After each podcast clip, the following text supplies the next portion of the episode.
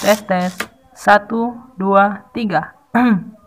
Podcast detak. Tiada sekat, tiada batas.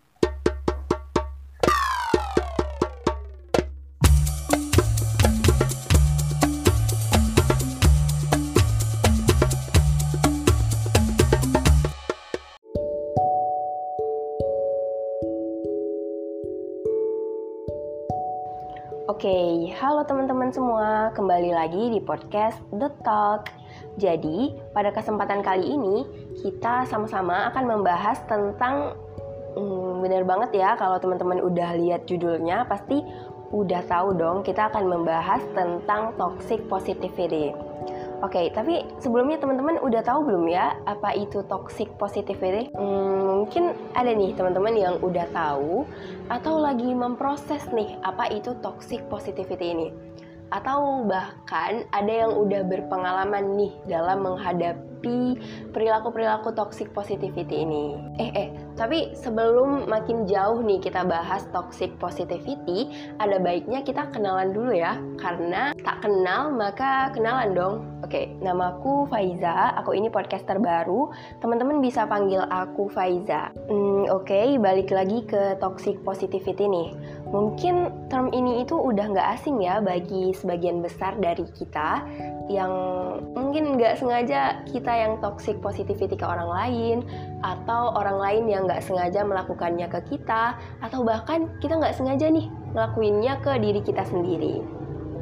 Ya nih bener banget, kita bisa loh melakukan toxic positivity ini untuk diri kita sendiri. Sayang banget kan ya, karena yang seharusnya kita menjadi orang pertama dan yang paling paham sama diri sendiri, malah kita nih yang nggak sengaja nyakitin diri kita sendiri. Oke, jadi teman-teman, toxic positivity ini adalah keyakinan bahwa sesulit apa pun atau seburuk apa pun sesuatu yang kita rasakan atau hal yang terjadi pada kita, kita harus terus mempertahankan perasaan positif, pola pikir positif. Jadi di sini itu maksudnya perasaan-perasaan negatif yang kita rasakan itu harus dihilangkan, harus ditekan dan kita harus tetap mempertahankan perasaan positif yang kita miliki. Memang sih perasaan positif ini dan bersikap optimis ini adalah hal yang baik bagi kita.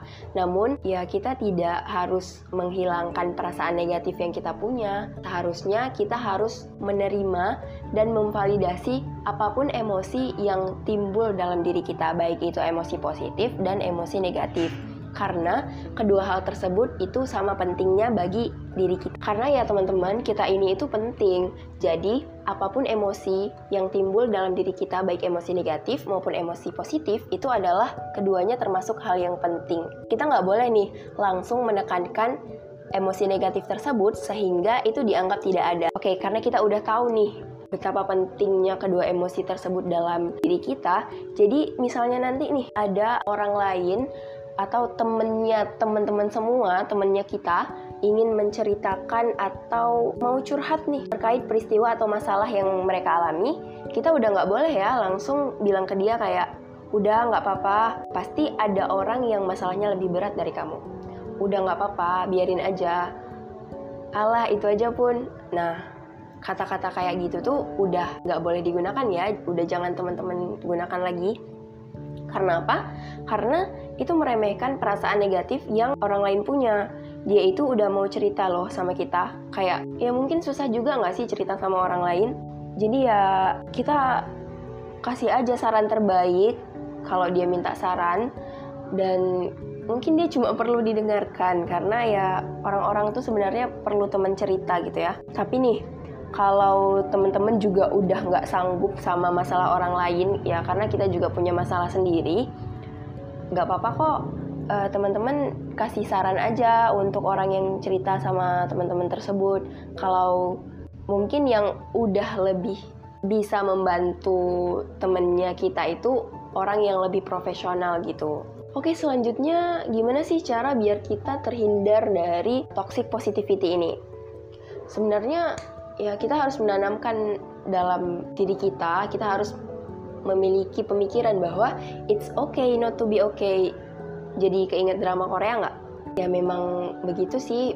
Kayak it's okay not to be okay. Kalau kita ngerasa nggak oke okay, kalau kita ngerasa nggak baik-baik aja itu tuh sebenarnya nggak apa-apa. Kayak terima aja gitu. Dan selanjutnya kelola emosi yang kita punya itu kalau emosi negatif yang memang muncul dalam diri kita karena kita ngerasa nggak oke, okay, kita kelola emosi tersebut agar emosi negatif tersebut tidak mempengaruhi kehidupan kita agar lebih buruk lagi ke depannya. Jadi, setelah kita menerima emosi negatif tersebut, kita juga harus memikirkan cara-cara terbaik agar kita dapat menghilangkan hal-hal negatif yang mungkin menjadi penyebab permasalahan dalam hidup kita itu. Nah, untuk uh, teman-teman yang sering menjadi pendengar bagi orang lain, mungkin kita juga harus lebih fokus untuk mendengarkan cerita orang lain dan memberikan dukungan bagi orang tersebut. Jadi kita jangan sampai kita adu nasib ya kalau dengar cerita orang lain atau jangan sampai kita meremehkan lagi perasaan-perasaan yang